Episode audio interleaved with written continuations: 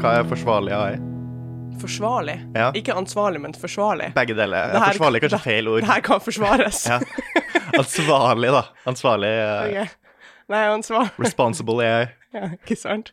Uh, det, det er Jeg er ikke så god i norsk. Det Ansvarlig AI er et buzzword Ja. uh, som eh, bedrifter elsker å smykke seg med. Mhm. Vi gjør ikke AI, vi gjør ansvarlig AI, og vi kan verifisere at AI-en din er ansvarlig. For hvorfor gjøre AI når du kan gjøre ansvarlig AI?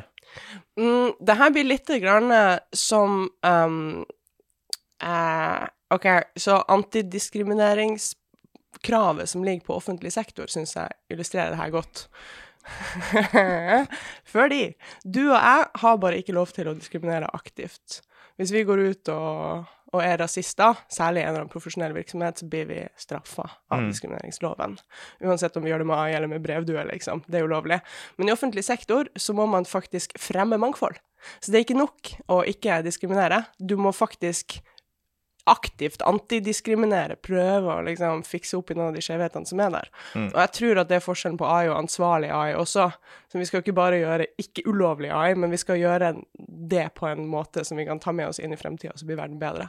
Mm. Det må være mitt seriøse svar, da. Ja, det er jo et seriøst svar, for uh, som du sier, buzzword. Uh, og så føler jeg man sminker seg med det på samme måte som man sier bærekraftig. Du putter bare Ja. bærekraftig foran hva som helst, og så er det ingen som ettergår hvor bærekraftig er det egentlig. Nei, sant, Sant. og ansvarlig AI kan jo ikke måles. Vi har ikke noen målestørrelser. Det er så vidt vi er enige om lovverket, liksom. Nettopp. Um, ja, nei, helt enig med deg, og det er synd, fordi både bærekraft og ansvarlighet hadde vært veldig fine ting å oppnå i Ja. denne verden. Men det, har, det er et eller annet som skjer, ikke sant, når uh, riktig bransje tar begrepene, uh, så bare vannes de ut sånn. Kjempesynd. Riktig bransje. Riktig bransje. Hvorfor tror du folk eh, forventer fasit fra språkmodeller? Mm, det har jeg også lurt på. Jeg, OK, jeg kan prøve meg på et svar, Mm. men det her svaret hersker det stor usikkerhet rundt i mitt hode. Og Jeg vil gjerne høre eh, hvis du har en hypotese òg. Ja. OK. Så jeg tror det er fordi at vi um, vi, OK, så i, um, i naturen så har vi kun tilgang til ett vesen, håper jeg, en klasse vesen som behersker språk, og det er mennesker. Så det vi har altså, språk sånn som vi mennesker bruker det. uh, språk som kan uh, uttrykke abstrakte konsepter, finner vi ikke hos noen andre enn hos mennesker.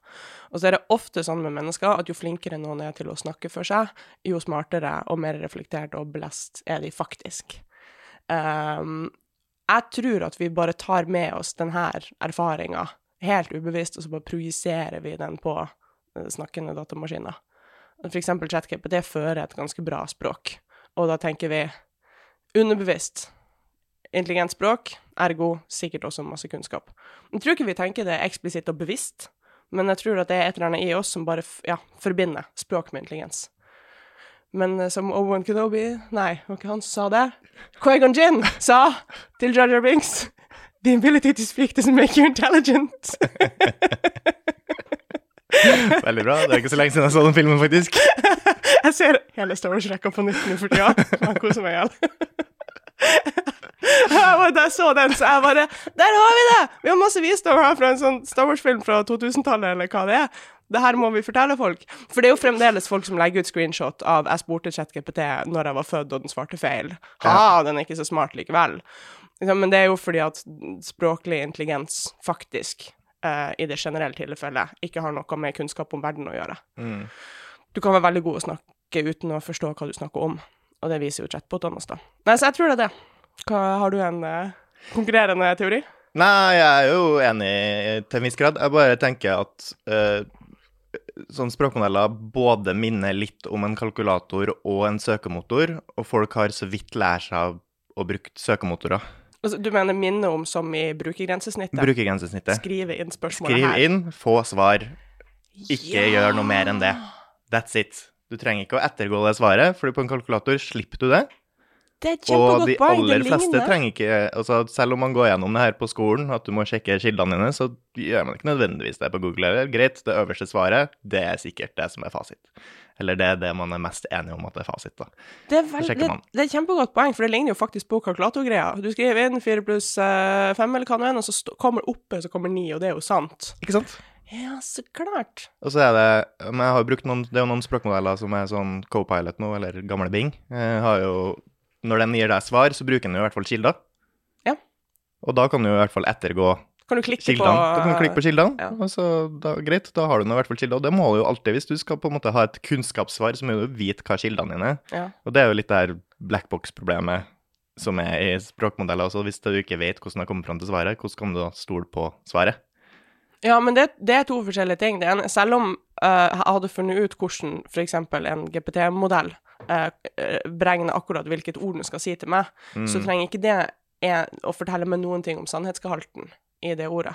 Så det er to forskjellige ting. Det ene Ja. er ikke sant, forstå modellen, og det andre er vite om eh, innholdet i setninga semantisk liksom sier noe som er sant i verden.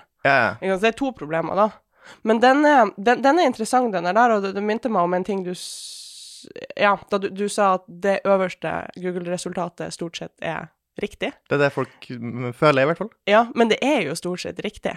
Veldig ofte, for at Google har noen ordentlig gode søkealgoritmer. Altså, det er stort sett det som aller, aller flest mennesker klikker på. Ja. Så det er sånn, nesten en sånn slags avstemmingsprosess. Det som er øverst på Google, er det alle har stemt frem. Mm. Um, og vi mennesker blir jo fryktelig late. Hvis teknologien gjør riktig 100 ganger, da orker vi ikke å sjekke lenger. Det er det som er skummelt med selvkjørende biler, der du har eh, altså Jeg nå har kjøpt meg en bil som kan eh, keep the lane og holde avstand til bilen foran for meg. Og i starten så klamrer jeg meg til rattet og hadde liksom foten klar over pedalen. Når jeg kjørte verden sånn fire ganger, og det har gått fint, så nå bare ja, whatever. Ja. så vi mennesker er jo veldig eh, Vi er veldig svake for å tenke at det som har skjedd før, det blir sikkert bare å fortsette å skje. Særlig hvis det er komfortabelt. Mm. Eh, Google-søk har jo også den her eh, Det går an å betale seg posisjonering, men igjen, hvis du er i stand til å betale deg posisjonering, så har du åpenbart kommet til en posisjon der du er i stand til å kjøpe deg posisjonering, Mm. som igjen beviser at du på en måte har gitt verdi til samfunnet, siden du har råd til det. Ja, ja. Så en slags, det er en artig eh, måte å tenke så på. Hvis, hvis, eh, hvis et produkt har mulighet til å posisjonere seg bra i en Google SEO, så betyr det jo at de har ressurser. Og hvis de har ressurser, så må de ha fått de ressursene på en måte. Så det er på en måte Noe det er ikke nødvendigvis negativt at det går an å kjøpe seg plass heller. Men, eh, men igjen, folk forventer jo da fasit. Du forventer at hvis du skriver inn et spørsmål, så skal det komme rett svar. Ja. Selv om vi sjeldent har rett svar, og folk tar feil, og forskning kan være feil, og altså, alt det skal jo ettergås. Ja, men det, det som kommer ut fra en språkmodell, kan være feil av, av annen grunn enn til at forskninga kan også ta feil, og vi kommer til å oppdage ny kunnskap. Ja. Så det er liksom Poenget her er GPT er ikke en database. Den, det Poenget var aldri å strukturere informasjon. Programmet var Nei, um, uh, altså formålet var å lage gode setninger. Ja. Og du kan lage gode setninger som er Og det gjør du. Og det, jeg synes det er synd at vi bruker ordet hallusinere Ja, når språkmodeller sier noe som ikke er riktig. tilsynelatende. Øh, ja, fordi de gjør på en måte akkurat det samme når de sier noe sant som når de sier noe usant. Når vi mennesker hallusinerer, så kan du si at det er en eller annen feil som skjer. Altså, vi har ikke Vi oppfatter ikke det som faktisk er virkeligheten. Og man må slutte å hallusinere, og så blir man frisk, eller hva vet jeg. Men språkmodeller gjør virkelig akkurat det samme når Mm. de sier ting som er sant, og ting som ikke er sant. Så det, hallusinasjon får det til å høres ut som det er en feil som kan rettes opp. Og folk, jeg vet jo at folk, og også liksom ledere for teknologibedrifter i Norge, tror at hvis vi bare fòrer GPT-modellene, eller kan jo en språkmodell med enda flere data, så kommer de til slutt bare til å si riktige ting. Og det er ikke sant, fordi formålet med dem er å lage gode setninger, ikke å sjekke fakta. Mhm. Nettopp. Der kommer distinksjonen fram, egentlig. Det, God til å prate, men ikke nødvendigvis god på fakta. Nei, for det var ikke formålet med dem. Og det, det må vi huske når vi lager dataprogrammer, og særlig maskinlæringsmodeller, at vi gir dem et mål, og så oppfyller de det målet på enkleste måte. Så hvis, hvis vi ikke gir GPT eller språkmodell belønning for faktasjekking, så kommer den aldri til å sjekke fakta, uansett hvor mye data den får. Hvor langt er en språkmodell unna bevissthet? Hva er bevissthet? Nettopp. Hva er bevissthet? Du vet at jeg har Vi har kjent hverandre lenge nok til at du vet at jeg har Ja, nei, jeg, jeg, jeg, jeg, hater diskusjonen til en viss grad, men det er jo spennende. Jeg liker jo alltid når det kommer opp, fordi det er gøy å se det for seg en gang i framtida. Eh, Og det er ikke det jeg jeg på hater. sikt at man klarer å en eller annen gang lage det, men jeg, er jo- enig i at en språkmodell er helt fjernt fra det, fordi vi vet ikke engang hva bevissthet er. Hvordan skal vi vurdere det i en språkmodell? Hvordan skal du skjønne at en språkmodell er bevisst hvis vi ikke skjønner at mennesker er bevisst, bevisst engang? Vi klarer ikke å definere bevissthet i folk. Hvordan skal du klare å gjøre det i et dataprogram? Nemlig. Og jeg hater ikke bevissthetsdiskusjon fordi at jeg er redd for at vi skal lage bevisste maskiner. Nei. Og om det viser seg at en språkmodell, hvis den bare består av mer enn enn 100 milliarder parametere, har en eller annen primitiv form for bevissthet, så kommer ikke jeg til å bli verken glad eller lei meg eller sint av det. Jeg kommer Nei. ikke til å ha en emosjonell reaksjon på Det det. syns du ikke er litt spennende engang? Eh, jo da, jo da. Det er sånn Forskningsmessig er det spennende. Og så kommer det til å oppstå masse etiske spørsmål der. Mm. Ikke sant? Hva eh, Ja, når du har noe som er bevisst, hvordan har du lov til å behandle det? Men hvis du ser hvordan vi behandler liksom, flue og rotte og lavere former for bevissthet fra før av, så tenker jeg kanskje ikke vi kommer til å gi språkmodellene vern. Fordi at Her behandler jo hunder ganske godt, da. ja, det er sant, det. Og her er faktisk interessant apropos, den her må vi tilbake på. Men at jeg, jeg er heller ikke en av dem som tror at eh, dagens språkmodeller har bevissthet. Han der eh, Blake Lemoine i Google, som ble permittert sommeren 2022, mente jo at han hadde snakka med en chatbot, eh, Lambda, som var bevisst. Og det vil jeg si, han var den første liksom, si, seriøse teknologen som mista jobben. Ofra seg for Mm. hans overbevisning om at et stykke teknologi var selvbevisst. Så for meg det, ble det litt sånn et punkt i AI-historien. Mm. Fordi, OK, fyren var litt fins nok en og annen eh, person som har ofra litt for en Tamagotchi opp igjennom tida. Ja, men han her, altså han, han var litt eksentrisk, men han, han jobba som ingeniør i Google. Jeg vet om veldig mange smarte mennesker som har søkt jobb i Google og ikke fått det. Ikke sant? Så det er litt en kvalitetsstempel på fyren, da. Mm. At han tross alt jobba i Google og ofra jobben sin for å liksom advare verden. Så han, han var overbevist da. Jeg ser ikke hva veldig mye annet han hadde å tjene på det enn oppmerksomhet på utsagnet sitt. Nei. Så interessant det, men jeg tror heller ikke Lambda uh, var bevisst. Lambda står jo for Language Model for Dialogue Application, så den hadde ett formål, og det var å føre overbevisende samtaler, og det klarte den da så godt at folk begynte å se bevissthet i den. Um, men liksom, ja, hva bevissthet er for noe, det, det lurer jeg på. Vi har jo det her uh, problemet som er the hard problem of consciousness, eh, som ja, egentlig bare koker ned til det her spørsmålet hvorfor er det som noe å være oss? Eh, og det har jo blitt argumentert for, særlig i nyere tid, at kanskje ikke det her problemet er så hard. Altså, kanskje bevissthet ikke er så magisk som vi skal ha det til i det hele tatt. Kanskje det er bare det som skjer når et system opplever seg sjøl. Og så er det bare altså, Du har en opplevelse av verden rundt deg, og du har en opplevelse av deg sjøl. There you go. Kan man programmere en opplevelse av seg sjøl? Ja, det er jo spørsmålet om opplevelse, ikke sant? Altså Nytt um, begrep. ja, nytt begrep vi ikke har en god vitenskapelig definisjon på.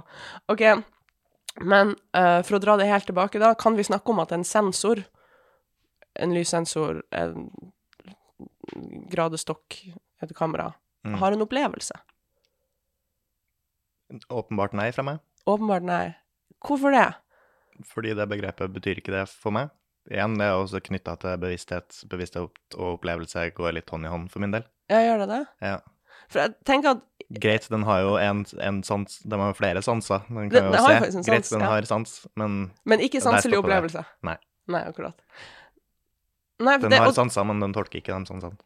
det synes jeg er rart, da, for jeg har prøvd overfor noen å si at OK, vil du si at det som skjer med meg når jeg eksempel eh, opplever Altså når jeg ser på sola, eller opplever at sola varmer huden min, eller noe sånt, vil du si at jeg bruker et sanseapparat til å ta inn informasjon som endrer min indre tilstand? Og folk bare Ja, yes, ja det er cirka det som skjer når du, når du har en opplevelse. Men det er jo nøyaktig det som skjer med en sensor. Mm, Tar inn informasjon gjennom sanseapparatet sitt til å endre sin indre tilstand. Endre sin indre tilstand. Ja, det er jo å gjøre en måling, da. Utrolig udefinerbart, det òg, da. Nei da, du har en tilstand, og så skjer okay. en måling, og så er tilstanden endra. Ja, jeg vil si det likevel ikke er det samme endringa av tilstand som foregår i, en, i et kamera som i en person. Nei da, det er igjen, ikke. der har du den ikke. bevisstheten som kommer og endrer på det hele. Ja, OK, så du tenker at det er den, den her indre tilstanden Ja. hva den var før, og, før endringa, har også noe å si for hvorvidt du vil si at det er en opplevelse. Definitivt. Ja.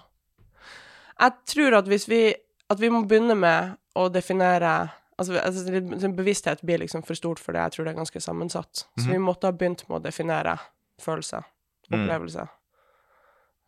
Ja, de, Ja, utfordring. de, de litt mindre begrepene. Men nå er jo ikke jeg begrepsfilosof. Nei, dessverre. By choice. Uh, og jeg har Kun hobby. kun hobby. Jeg er veldig glad i filosofi, virkelig. Veldig glad i å lese filosofiske tekster. Eh, jeg syns det er bemerkelsesverdig hvor få nye tanker jeg kan påberope meg å ha tenkt. Ja. Jeg tror faktisk ikke jeg har tenkt en eneste ny tanke eller følt en eneste ny følelse i det her universet. Det er det jeg syns er så deilig med å lese filosofi. Tenker, Bra, noen som er mye smartere enn jeg, som har tenkt over alt jeg kan slite med. Skrev ned hva de tenker om det. Ja. Deilig. Fin ressurs. Men moderne filosofi rundt hvorvidt maskiner eh, kan oppnå bevissthet og kan være faktisk intelligent, hva enn det betyr, eh, har jeg fått ekstrem avsmak på.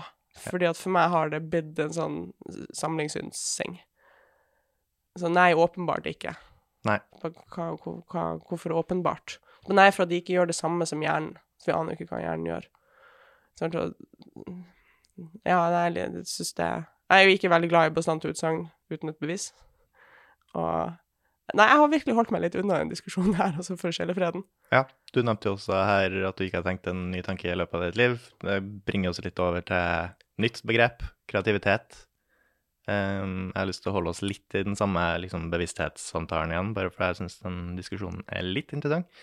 Um, måten man trener um, språkmodeller og AI-er på nå, er jo at de skal være lydige.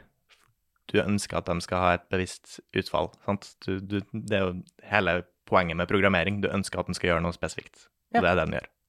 Ja. Uh, men så argumenterer David Deutsch, som jeg er litt glad i, for at det er jo motsatt vei av bevissthet. Fordi bevissthet på en måte kjennetegnes ved kreativitet og ulydighet. Det er det som skiller mennesker fra resten av folk. Hvis du prater med en menneske, den trenger ikke å svare deg når du vil. Den kan gi deg feil svar hvis den ønsker. Den kan komme med en helt ny idé om virkeligheten som en AI altså, aldri vil gjøre hvis vi prøver å programmere den til å være lydig. OK, nå må vi gjøre masse begrepsoversettelse Ja. her. OK, fordi det Darch sier da, er hvis du ønsker, så kan du være ulydig. Så spørsmålet er da, når vi gir en, et dataprogram, en datamaskin, en maskin, et mål, Mm. gir vi den da et ønske, eller gir vi den en kommando det må adlyde? Mm. Altså, hvor er vi? Er vi på ønske, eller er vi på lydig? Mm. Og jeg vil jo si da, at når vi trener en maskinlæringsmodell, så sier vi det her skal du optimalisere. Uh, og så skjer det pluss-minus gang i delet, det beregnes gradienter, og så uh, settes parameterverdier i den veien som gradienten på hvor mye feil maskinen gjør, går brattest nedover. Jeg vil jo si at den har et ønske, da, om å oppnå målet. Fordi at den indre tilstand til maskinen under treninga tilpasses sånn at feilen blir mindre og mindre på dataene den trener på. Så jeg vil ikke si at det er noe rom for å For at maskinen skal slutte med det fordi at den har danna seg et nytt ønske inni seg.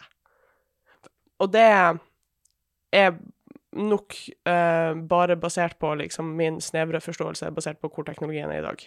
Mm. Det kan veldig godt hende at det kan oppstå liksom effekter inn i et veldig komplekst system som manifesterer seg på en måte som ønsker for oss mennesker. Liksom ønsker om å gjøre noe annet. Men per i dag så er jo datamaskiner fremdeles ting som ikke engang slår seg på av seg sjøl. Mhm. Altså, vi, ingen maskin gjør noen ting uten at du ber den om det. Altså, maskinen åpner ikke Word uten at du klikker på Word-symbolet, liksom. Og liksom, alt det her er fremdeles bare strøm som går gjennom kretser. Så Ja, nei. Jeg har veldig vanskelig da for å se for meg en sånn slags ulydighet eller dannelse av egne ønsker. Men så kan vi se på menneskeversjonen av det, da. Altså hvor får vi ønskene våre fra? Mm. Vi sier vårt overordna ønske er jo faktisk å ikke dø, og så formere oss. Mm -hmm. Det er ønsket vårt. Det er ikke noe ønske om bevissthet eller det å være menneske, men vi er det likevel.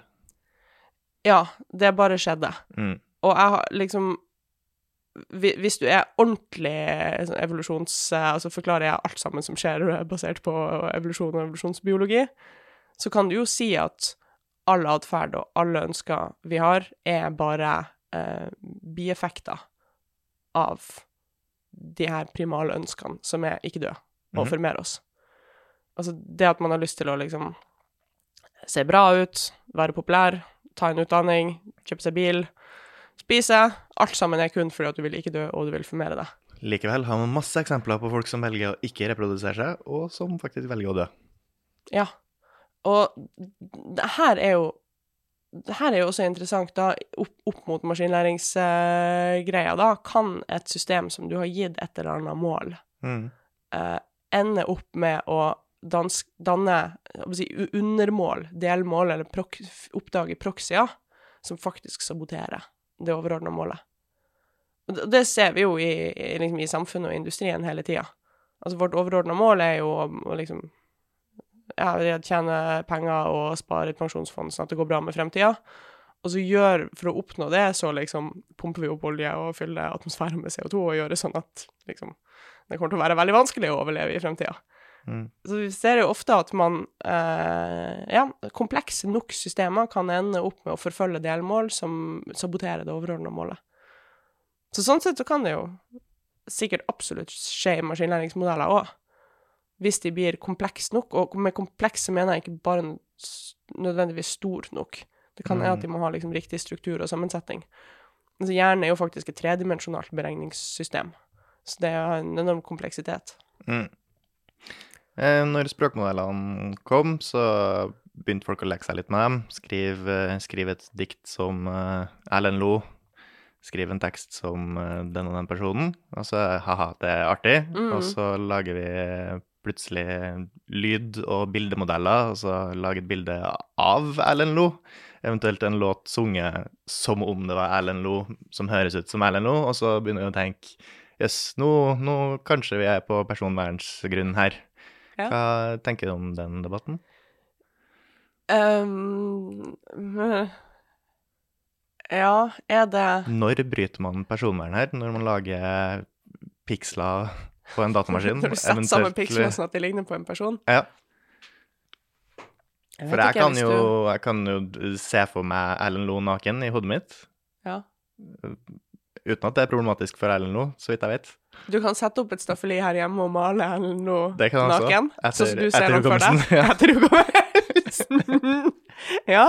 Og du kan være så jævla flink å male Ikke sant? at det ser akkurat ut som han naken. Er Etter hukommelsen eller fantasien.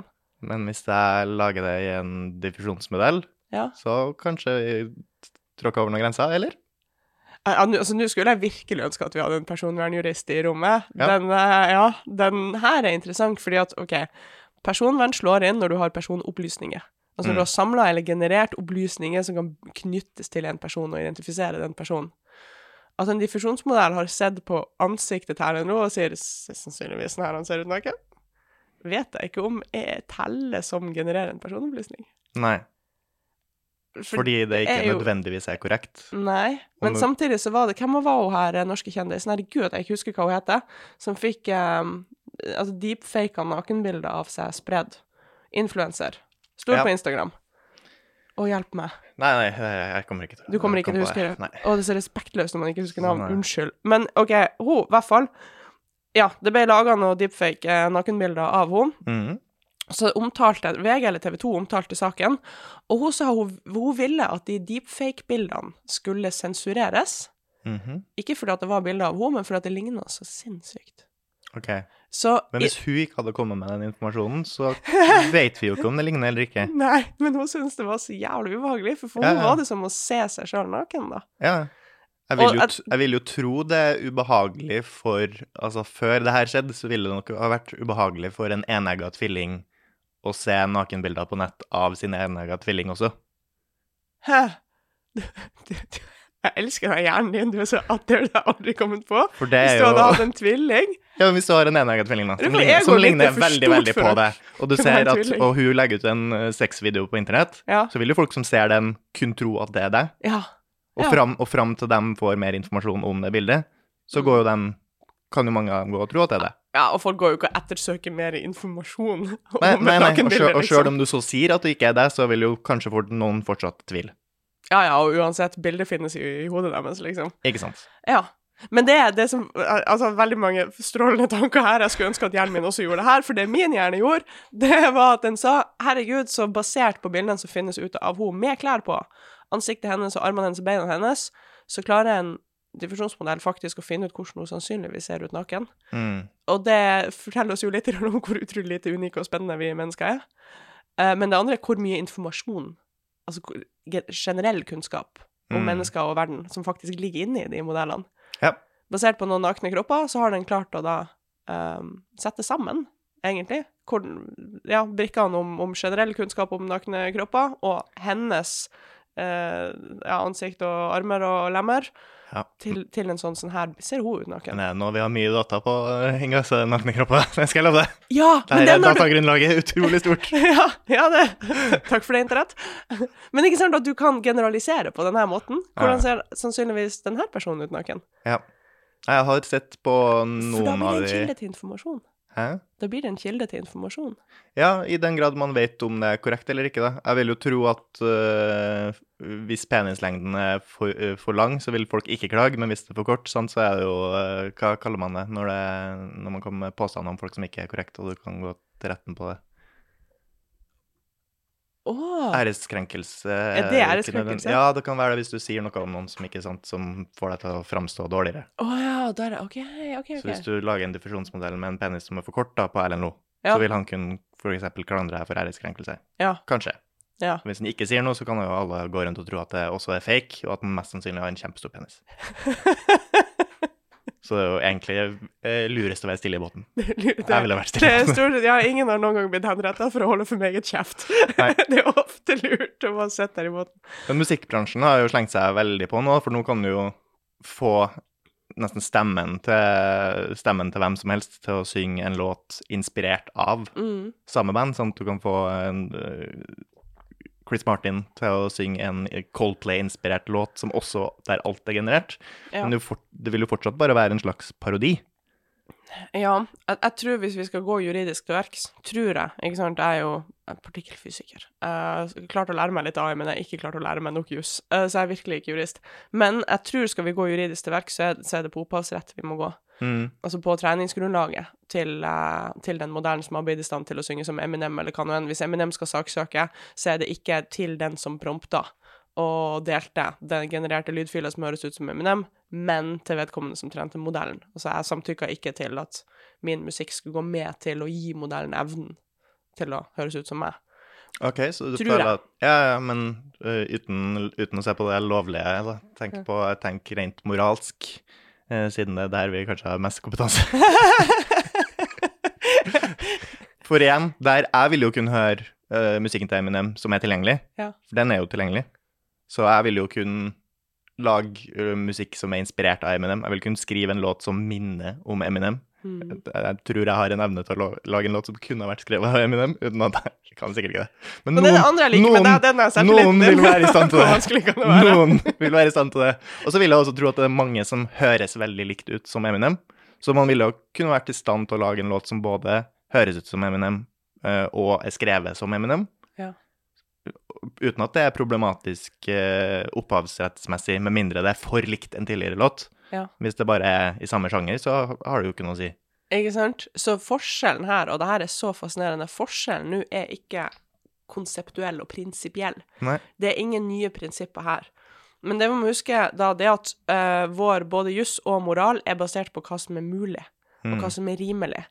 Liksom, dessverre, veldig sjelden så er det kun prinsippene våre som styrer hva som er lov, og hva som er greit. Det er også hva, hva vi er vant til, og hva som går an å forvente, og ja, rimelighetens grenser, videre.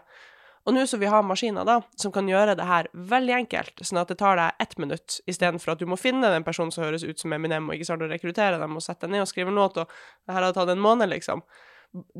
Den forskjellen tror jeg er det som, det som gjør det her Mm. nå. Det er ikke at man gjør noe prinsipielt nytt, men at alle kan gjøre det. Det er forbrukerteknologi. Det tar et minutt, det er så enkelt. Jeg tror det er der vi reagerer. Ja. Jeg håper jo og tror at uh, artister som er flinke, alltid vil klare å være tidligere ute. Sånn at de vil klare å lage det som er nytt og spennende, mens diffusjonsmodeller alltid må kopiere. Håper og tror. Alltid må kopiere. Men da er vi tilbake på at de klarte jo å lage en perfekt naken kropp og på si som passer til ansikt osv. Den vil aldri være like fin som ekte vare, Inga. Den vil sannsynligvis være finere, hvis du ber den om det. Det her er, å drive, det vi gjør, vi mennesker, å drive og flytte det her Ja ja, men de klarer ikke de, de, skaper ikke noe faktisk nytt. Det er ikke faktisk kreativt. Uh, det uperfekte menneskelige er ikke der. Ikke? Altså, de her forskjellige tingene vi sier, og særlig kunstnere sier. Ja, det... Det, det, er for meg sånn, et sånn symptom på et eller annet underliggende, og jeg tror jo at det er en slags eksistensfrykt mm. da. Og hvis det faktisk er en eksistensfrykt, så er det en annen diskusjon vi må ha. Da må vi ikke ha en diskusjon om hva som gjør at maskinene ikke klarer å gjøre akkurat det mennesker gjør. Da må vi ha en diskusjon om hvorvidt f.eks. kunst er noe som skal være fra mennesker til mennesker. Mm. Altså om, vi, om, mennesker skal være forbeholdt å være kunstnere, eller om det er noe galt i at mennesker lar seg underholde av et eller annet produkt, kunst, musikk, film, hva nå enn, som er skapt av maskiner, og det er greit. Og hvordan da skal vi beskytte menneskelige kunstnere? For det, da er det et spørsmål om økonomi og politikk. Mm. Vi har maskiner som har vunnet kunstkonkurranser der dommerne ikke visste at det var maskiner som sto bak eh, skapelsen. Enig, men det er en utrolig dårlig proxy. Hvordan det? Fordi det å vinne en kunstkonkurranse betyr ikke nødvendigvis at du lager god kunst. Nei, jeg er enig i at vi jeg ikke mener markedet bestemmer i større grad der. Så fram til Ja. en AI er best musiker i verden, så er jeg ikke så nervøs Det må være Men best det kan jo i verden. Det kan jo hende at det skjer. For det finnes jo AI-genererte spillelister, altså spillelister med AI-genererte sanger, Ja. som har liksom mange flere lytt enn mange små artister som er liksom flinke og jobber med karriere lenge. Enig, men fortsatt ikke like god som dem som er best. Og på samme måte så vil jeg ikke Jeg mener at du vil ikke oppnå ordentlig kreativitet, også et veldig slitsomt begrep, men eh, kreativitet før du har en AGI som klarer å begynne med teoretisk fysikk, da. Sånn, Du må ha en Einstein-AGI som kommer opp med ideer som vi ikke har fra før, som viser seg å stemme virkeligheten. Alt annet er bare liming og klipping, og det er litt sånn Ja, greit nok. Er det kreativitet, egentlig? Sett sammen ting. Ok, men du var enig i sted at jeg sannsynligvis ikke har tenkt en eneste ny tanke og følt en eneste ny følelse. Ja. Eh, så du bare Nei, i din bok så er ikke jeg kreativ for to øre. Nei, jeg er ikke kreativ sjøl heller. OK. Det må være, det må være på et ganske Jeg legger, list, jeg legger lista på Liksom ekte Oscar kreativitet. Ja, ja, ja, ja. OK. Ja. Uh, ok, ja, den er interessant. Jeg, jeg vil jo ikke si at f.eks. Rihanna har den største stemmeprakten universet noen gang har bivånet, eller Beyoncé for den del, men de er jo noen av de største artistene Ja. vi noen gang har hatt. Så det er åpenbart mer der enn evnen til å skrive låter og fremføre dem. Mm. Så det er hele det menneskelige å bygge seg opp en fanskare og connect with the fans og alt det der. Så ja da, det er nok veldig mye her som maskiner ikke gjør, fordi at maskiner ikke er mennesker. Mm. Um, men ja, jeg vet ikke om det er der på en måte den her proteksjonistiske diskusjonen som klør meg litt, er. For meg er det en diskusjon heller på ja, men AI vil aldri kunne lage noe som er så perfekt uperfekt som det mennesker kan. Men Ja. det utsagnet er jo bare feil, da. Ja, nei, jeg er enig i det. I piksler så kan du det. Du, du kan lage like gode piksler og like gode lydelementer. Men like gode som, nabopiksler. som, ja. Ja. Men som du, som du påpeker, så er det, det er mer enn det. Sånn, et nakenbilde er mer enn piksler på en datamaskin. Du vil se for deg at det er en person. Du vil vite at det er the real deal? Ja. Ja, jeg vet ikke. Eller du vil ha en historie til personen. Eller, altså det, det er en grunn til at det er story er dårlig porno, Inga. Hva Hva du sa, det er storyline? grunn til at sto story er, er Det er en grunn til at det er en dårlig storyline. i porno. Ja. Er det det? Du må ha story. Du kan ikke, ba, kan ikke bare, bare ha et bilde. Oh, ja, Du må sånn, kjøpe at det er personer. Ja, jeg skjønner. jeg skjønner. Ja. De som lager pornofilmer, må sette seg ned og bare Guys, we need a story. Ja. jeg har det kanskje ei dame uh, som har uh, en vask som lekker, og så trenger hun en rørlegger Nei, jeg tuller. Jeg var på Else her om dagen, Mm. um, og Else, vet du, hun, hun hadde invitert uh, hun Åh, dæven, nå står det stilt for meg igjen, det her er vanskelig. Hun som har podkasten Høvla øve. Pass. Jævla kul dame. Hennes navn skal jeg finne. I hvert fall Aksel Hennie. Ja. Eh, var der, og flere som var der, Masse bra name-dropping her nå, Inga. var Martha Leivestad! Ja, det er artig. Å, hun er så jævla bra.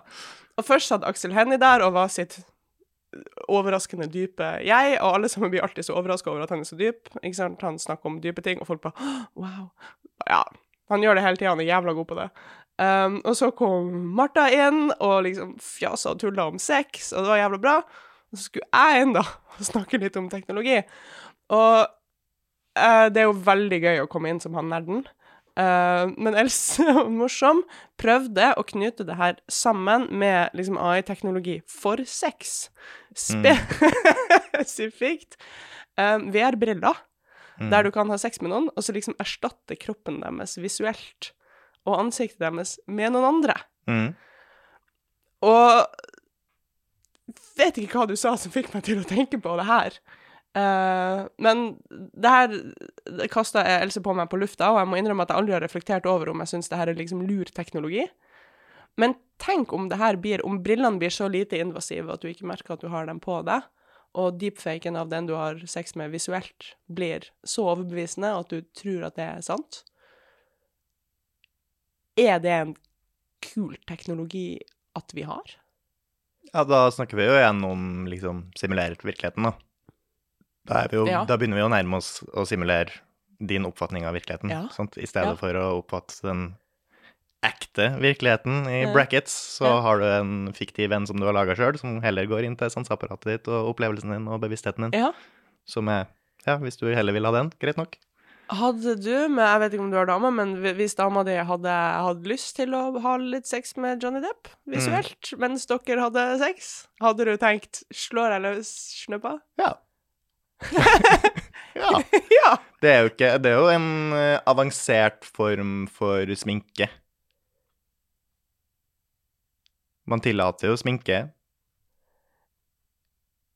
Så det hadde Det er ikke at en avansert form for sminke. Det er jo det. Ja, OK, ja. Så det Man tillater utkledning, man tillater sminke. Det er jo bare en mer avansert form for det. Ja. Men hadde du ikke OK, hvis vi ut, utkledning, da, hvis hun hadde bare Kan ikke du kle deg ut som kollegaen min? Her, jeg har lånt kollegaen min sine klær. Kan ikke du ta på deg de her? Ja, der, der begynner vi å nærme oss noe som kan være på en måte ubehagelig. Ja. Uh, OK, så- hvis så hun ikke har lyst til å skjønner VR-sex med Johnny Depp, kollegaen Jeg skjønner jo at det Nei, nei det hadde jeg jo ikke syntes var like kult. Nei, Nei, det må være noen eh, Som ikke er innen rekkevidde. Ja, som er mindre Ja, ikke nødvendigvis rekkevidde heller. Eller jo, kanskje det er det. det må, ja, det må være noen du ikke kunne hatt sex med sånn realistisk. Sånn faktisk. Ja. Ja. Men tenker du at det her hadde vært et liksom, artig stykke teknologi at vi har tilgang til? At kondomeriet begynner å selge VR-briller der du har liksom sånn forhåndsvalg de her kan du ha sex med. De her har samtykka til at du kan ha sex med dem. Ehm, jeg vet ikke helt Jeg sliter litt med det der mellomleddet der du på en måte skal ha eh, en slags eh, AR-konfigurasjon av en annen person som du allerede har sex med. Jeg skjønner ikke hvorfor vi bare ikke hopper rett til VR, og jeg tror jeg har sex med noen. Og jeg får sanseinntrykk i hånda der jeg tror jeg tar på noen. Ja, men du kan jo gi dem sanseinntrykkene til meg også, da. Det registreres jo i hjernen. Og rett inn i Gi, hjernen. gi meg følelsen av at jeg tar på noen. Den teknologien er veldig mye lenger frem enn Ja, bare ja, ja, jo, med jo, jo, deepfake. jo, jo, men hvis vi først snakker om teoretiske ting her, da, så kan vi jo like godt hoppe dit. Tingen er, de her VR-brillene er ikke teoretisk, sa jeg ikke det? Um, Ellers hadde det vært å liksom ja, ja, greit, men, men det er fortsatt ikke like bra. Du vil jo fortsatt kunne kjenne Du vil bryte den immersionen, som man jo kaller det. Ja, men jeg tenker gi det to år. Ikke sant? Ja. Det her er det, det er tweaking som Og skal hvor, til. og hvor kult er det å ha Altså, igjen, det handler om mer enn én sans. Det visuelle holder ikke. Bare at jeg ser Johnny Depp, så kommer jeg ikke til å føle at jeg har sex med Johnny Depp. Fordi du må, du, du kjennes ikke ut som Johnny Depp, du oppfører deg ikke som Johnny Depp. Det her er ikke Johnny Hva vet du? Det her er ikke Johnny Depp. Nei, men, nei, seriøst, altså, synsbedrag er jo totalt en ting. Ja, men synsbedrag igjen er mer enn bare syn. Du må også være overbevist om at det du ser, er sant. Har du ikke prøvd de der testene når du, når du hører en lyd eh, som høres ut Ja, som både ja, Bibi ja. og Bobo, eller noe sånt? jo, jo. Og hvis du ser noe spist noe, så tror du at du hører Bibi. Ja. Altså, står ikke syns for, syn, synsinntrykk for 80% av opplevelsen vår, altså sånn helt sinnssykt mye, og kan bare lure alle de andre sansene? Jo, men jeg kan leve meg ganske godt inn i et dataspill uten at det har noe med grafikken å gjøre. Det kan være mer troverdig på andre måter. Ved at storyen er mer troverdig ved at andre sanseting, andre ting som gir det kontekst, er mer troverdig enn grafikken. Grafikken kan være Ja. kjempebra, men det kan gi meg ingenting. Nei, det gir deg informasjon, da. Om at du har sex med Johnny Depp. Nei, det, jeg tror jeg kommer til å kjøpe den løgnen ganske fort. Jeg er for kritisk til å tro at jeg faktisk har sex med Johnny Depp. Du må jo ville tro det. Ja, Altså, det jo- det- det- det blir jo- Det blir jo som religion, det her. Du må jo Du kan ikke tillate deg å tvile. Ja, ikke tvil. Nei, jeg skjønner gøy tanke. Uh, bruk det med måte. ja. Unnskyld. Er verden for kompleks til å simuleres? Er verden for kompleks for å simuleres? Ja. Den er Eh. artig. Nei, eh, ingenting er for, for komplekst for å simuleres, men mye er for komplekst for å beregnes. Mm. Hva, hvordan skiller du de to? Simulering gjør vi jo når vi faktisk ikke får til å beregne noe. For Mm. eksempel der jeg kommer fra, partikkelfysikk. Vi kan ikke beregne eh, en, en kvantefysisk prosess, altså kollidere to protoner med en gitt hastighet, og jeg vet hvor protonene er. eh, vet cirka hvor de er. Vet cirka hvor fort de drar, hvor mye energi de har. Jeg kan likevel ikke beregne hva som blir å komme ut av dem, hvor kommer kvarkanoglonene til å fære, hvordan kommer ting til å henfalle og kollidere og vekselvirke med hverandre. Mm. Men jeg kan simulere det. Mm. Så jeg kan lage én versjon, en sannsynlig versjon av det som kommer til å skje. Samme med været. Vi kan ikke beregne hva? Vi kan ikke beregne hvilket vær det blir i morgen, men vi kan lage våre beste modeller, eh, og så kan vi simulere det. Simulering vil jeg si er det muligste. Og så, er, vi, og så vet vi at det er ting som ikke kan beregnes. Altså, tilfeldighet kan ikke beregnes, kvantifysiske prosesser kan ikke beregnes, kaotiske prosesser, som det været er, og flammer i en tunnel og sånn, kan ikke beregnes, men alt det her kan simuleres. Mm. Så simulering, ja, hvis du har nok informasjon om hvordan uh, Ja, hvilke prosesser som er mulige, så kan du simulere hva pokker du vil, så lenge du har nok datakraft. Ja. Men den simuleringa, hvor troverdig er den? Ikke sant? Det kommer an på Hvor høy troverdighetsgrad kan vi få den, på den simuleringa? Med andre grad, vil vi noensinne nå 100 altså vil vi kun beregne framtida, egentlig. Nei, nei beregne og simulere er virkelig forskjellige ting. For hvis du har tilfeldighet, kan du ikke beregne, men du kan simulere. 100 troverdig. Mm, Men det er umulig å hvordan kan du beregne eh, Du kan ikke simulere 100 eh, en, et univers. Jo. 100% Altså, Det vil jo være det samme som å beregne, vil det ikke? Nei. Fordi Um, OK, si at jeg har, uh, jeg har en radioaktiv isotop her. Bad news. Den ligger her. Her er en radioaktiv isotop. Jeg kan uh, Nå kan jeg lage en trosimulering av den hvis jeg har en kvantedatamaskin, for det er et kvantesystem. Eller Nei, én isotop, det klarer jeg faktisk å, å simulere med en klassisk datamaskin òg. OK, jeg kan simulere denne isotopen. Det er en viss sannsynlighet for at den henfaller når som helst. Og så, nå har jeg den simulerte isotopen min her, og så bare, å, herregud, etter 14 og et halvt minutt, så henfalt den. Og hva skjer da? Jo, eh, alfastråling dit, og Trino dit, eller hva som skjer. Eh, da kommer jeg til å ha laget en simulering som du ikke kan skille fra noe som kunne skjedd i den virkelige verden. Sånn kunne det henfalt. Mm, Men det er umulig for oss å beregne når en isotop. Det er kvantetilfeldighet, går ikke an å beregne. Kan Mm. ikke beregne om den henfaller om 10 minutter eller om 20 minutter. Det Nei. er helt umulig. Liksom, så du kan lage en simulering som er umulig å skille fra virkeligheten, eh, Ja. uten å beregne hva som hadde skjedd i virkeligheten. Ok, fortsatt enig, men la oss flytte til noen andre begrep. Eh, kan man forutsi framtida da? Nei. Nei. Går det, Fins det nok datakraft i det her universet til å forutsi framtida? Vil man noensinne kunne gjøre det, tror du? Ja, så da er spørsmålet Prinsipielt? Ikke sant, fordi at det ser jo faktisk ut som vi har ekte tilfeldighet i kvantefysikk. Mm. Altså, det er ikke mange plasser vi har ekte tilfeldighet. Hvis du ber PC-en din om et tilfeldig tall, så sjekker en sannsynligvis bare liksom sånn CPU-klokka og et eller annet ganger pi delt på fødselsdato. Ikke sant? Så det er et tall som virker tilfeldig, men som ikke faktisk er tilfeldig. Nettopp. Men, Men i- finnes egentlig tilfeldighet, er jo spørsmålet. Det er faktisk spørsmålet, det. For hvis Ja. det finnes ekte tilfeldighet, og hvis den tilfeldigheten dominerer, altså at, vi ikke bare, at den ikke forsvinner når vi regner gjennomsnittet over store nok systemer, da vil det være umulig å beregne fremtida. Mm. Ikke sant? Fordi du kan ikke beregne tilfeldighet.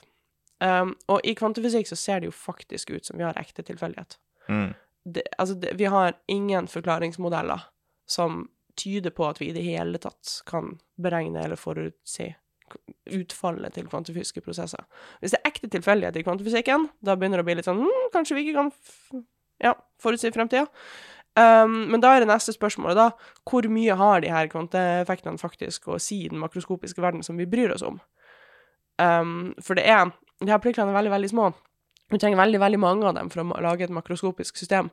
Kanskje alle de her tilfeldighetene bare gjør at du alltid får samme gjennomsnitt hvis du zoomer langt nok ut og ser på et stort nok system. Mm. Kanskje da blir spørsmålet hvor viktig er kvanteeffekter?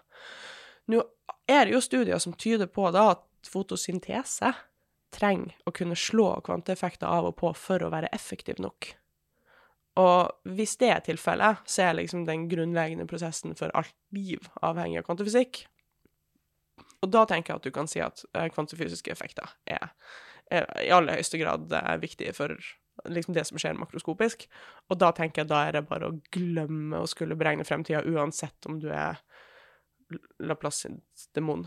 Ja. Nei, for igjen så fikk jeg den fra David Deutsch, som er blitt min nye ledestjerne. Eh, for han mener jo da at samme som en simuleringsteori, egentlig, at hvis vi skal klare å simulere, eventuelt beregne, jeg bruker de begrepene om hverandre, eh, framtida med 100% nøyaktighet, så må det skje utenfor universet. Ja, er det, det, det må skje på utsida. Da Enig. må vi være et Altså, vi må være en pro programmert simulering hvis det skal gå an å forutse eller beregne framtida. Ok, Den siste implikasjonsspiller skjønte jeg ikke, men jeg er enig i at hvis du skal kunne simulere universet, så må du gjøre det utenfor universet. Fordi Mm. at Hvis ikke så er simuleringa en del av universet. Så det at simuleringa er der, vil forandre universet. Så vil den generere varme og øke entropien og i det hele tatt. Ja. Og um, Uh, altså mitt mentale bilde her er virkelig en stor boks kan ikke inneholde Nei, en liten boks kan ikke inneholde en stor boks, og en boks kan ikke inneholde en boks på størrelse med seg sjøl. Hvis du trenger eh, Hvis du Ja, altså nok beregningskapasitet eller simuleringskapasitet til å simulere eller beregne universet, kan du ikke finne i universet. Nei, det må at- være utafor. Ikke sant? For alle det. og alle partiklene i universet må representeres. Sånn, så informasjonsinnholdet ikke sant, må være på størrelse med selve universet, da. Mm. Det her ga meg Jeg har jo flippa litt fram og tilbake på om jeg tror på frivillig eller ikke. Nå tror jeg igjen på det. Du tror på Litt på grunn av det her. Nettopp på grunn av at det ser ut til at tilfeldighet har en ting å si. At man aldri Fordi min, mitt grunnlag til at jeg ikke trodde på frivillige var en, en periode, var fordi jeg så for meg at OK, det går an å finne nok datasett til å alltid kunne forutsi hva jeg gjør. Ja. Uh, men hvis det ikke er faktum, eller hvis det virker mest logisk for meg at det ikke går an å alltid forutsi hva jeg gjør, for det er Mm. for mange tilfeldigheter, det går ikke an å beregne, så tror jeg jo da faktisk at jeg har frivillig igjen. Ok, Så for deg er fri vilje tett knyttet opp mot uforutsigbarhet? Ja, korrekt. Ok, Men den uforutsigbarheten kommer fra tilfeldighet? Ja, jeg tror det. Men altså, jeg tenker hvis det er tilfeldighet som driver beslutningene du tar, da er jo alt annet enn fri vilje. Det er det motsatte av fri vilje. Jeg vet ikke hvorfor det skjedde, det bare skjedde, jeg bare gjorde det. Nei, det høres ut som min frie vilje. Nei da. det, det, kan, det argumentrekka der kan man jo også alltid, alltid bruke. Det, det er jo det samme som man bruker om, simuleringsteori. Hvis det er simulering ah, Hvis jeg ikke er frivillig, hvordan skal jeg gjøre det her da? Men tenkte ikke det. Altså, jo, du gjør jo det. Ja, Det var en beslutning du tok, Ja, ja. basert på alle dataen du har i hodet ditt, og alt du har gjort før. Man skal passe seg for frivilligdebatten, for den blir jævlig fort jævlig irriterende. Du kan bli ordentlig sint på folk. Hva syns Um, du? Nei, men altså, det virkelig, det her må jeg bare Vi, vi skal absolutt uh, aldeles snart hoppe videre, men det her Mm. er liksom frustrerende for meg at det her er de to alternativene jeg ser i frivillige. Mm. Enten er ting deterministisk, og da er du åpenbart ikke frivillige, eller skjer i ikke-deterministisk, og den eneste måten vi har ikke-determinisme på, er kaos og tilfeldighet. Og jeg ser ikke hvordan kaos og tilfeldighet gir opphav til frivillige heller. Så liksom, jeg ser ikke sånn konseptuelt liksom rommet der vi kan Nei. plassere frivillige. Det syns jeg er veldig synd, for jeg føler jo frivillige. Men jeg skjønner ikke hvor vi skal ha plass til det. Det som er så utrolig deilig, at det har ikke noe å si. Har ikke noe å si har ikke noe å si. Hæ? Om, Fuck om, all går du til har helvete frivillig eller uansett. ikke, har ikke noe å si. Fordi du kommer til å oppfatte at du har det likevel. Mm. Sånn er det. Ja. Hva er forskjellen på å tro at man er lykkelig, og å være lykkelig? Pass. Ja, det er ikke noen forskjell der, vel. Nei. Samme forskjell på å tro at man er frivillig og å ha frivillig, vil jeg tro. Ja. Annet enn at det ene er litt frustrerende, kanskje. Ja, men du vet jo ikke. Nei. Du tror. Du tror? Ja. Eller du kan jo sikkert være overbevist òg. Være overbevist er ikke det det samme som å tro. Jo, kanskje. Ja. Bare aldri i tvil. Aldri være i tvil. OK, takk. Hva syns du er mest eh, spennende på AI-fronten om dagen? Um, om dagen Mm. Så nylig, nylig, nylig kom nyheten om at Nvidia nå er verdens fjerde største selskap. Ja. Og alle som er større, er også teknologiselskap som er med i det her AI-spillet. Og jeg liksom, jeg visste jo egentlig det her, men da jeg hørte tallene, så fikk jeg meg en sånn liksom, sånn Kødder du? Ingen av eh, liksom de tradisjonelle konsulent, revisjon, markedsføring, de der der-selskapene større? Liksom ingenting som Sochi og Sochi, PwC, Deloitte, McKinsey Ingen av de her i nærheten engang? Nei. OK, men oljegreier, da? ConocoPhillips eh, Liksom Jeg vil jo tro Saudi Aramco og sånn, altså landbaserte oljeselskap, vil jo hevde seg. Ikke if, if you do the numbers. Ikke? Nei. Jo Altså, jeg tok en, jeg tok en sjekk, for den nyheten fikk jeg i morges, så i morges på hotellrommet, Ja. i løpet av det møtet, um, så tok jeg en sjekk, og liksom det jeg klarte å finne av omsetningstall da, så er det teknologiselskap som er de største. Og da fikk jeg litt sånn, oi, fuck, shit, liksom, det her har jammen skjedd veldig fort, og i stor grad takket være AI, ikke AI som i AI-produkter, men AI som i persontilpassa markedsføring. Det er jævlig mye, altså det er 95% av Meta sin omsetning er liksom bare annonseinntekter. Mm. Og, og det for meg var en sånn Oi, det var litt skjellsettende, liksom. Jeg visste det egentlig, men du vet når du setter deg ned og liksom innser det. Og så eh, Det her skjedde i morges, og i går, stakkars meg, jeg har det vanskelig for tida, i går så innså jeg at Ukraina-krigen er vår første AI-krig. Mhm. Nå har, nå har det blitt sånn at du som teknologileverandør er heldig hvis du slipper inn i Ukraina for å teste greiene dine. For nå er det altså så mange kule der som tester ansiktsgjenkjenninga og droninga og beregninga av skade hvis vi skyter på det her uh, systemene sine. Mm. At det har, det, det har blitt den første liksom, testing ground da, for en AI som fungerer liksom 100% destruktivt. Ja. Så det at vi har faktisk en AI-krig. Og jeg trodde ikke vi skulle Jeg går jo rundt og er liksom bekymra for å bare vente på tredje verdenskrig. Jeg trodde på at tredje verdenskrig med artilleri og, og spyd skulle skje før Ja. før første A i krigen, men jeg aner ikke hvorfor jeg trodde det. And here we fucking are, så klarte vi det, liksom. Jeg vil jo argumentere for at, uh, uten å kalle det tredje verdenskrig, at pågående uh, internetthacking og sånn defineres som krig, da. Nato definerte jo også liksom internettangrep på land som også som krig. Mm. uh, som krigshandling, og det pågår jo pågående hele tida. Ja, men er det AI-drevet på noe vis? Vil jo tro det. Jo, Vil jo være naivt å tro at man ikke benytter seg av det til å drive med hacking. Virkelig? Tror du ikke det? Altså, jeg har Tror prøvd du å ikke det fins noen som bruker det til, på en eller annen fornuftig måte til å hacke eller uh, gjøre noe skade? Altså, jeg tenker OK, så hacking er mye prøveting lenge nok. uh, informert prøving, og så er det Mm. litt programmering. Og jeg ser jo at du kan bruke AI-verktøy til å analysere data og finne ut hva som er lurt å prøve, og til å hjelpe deg å skrive bedre kode.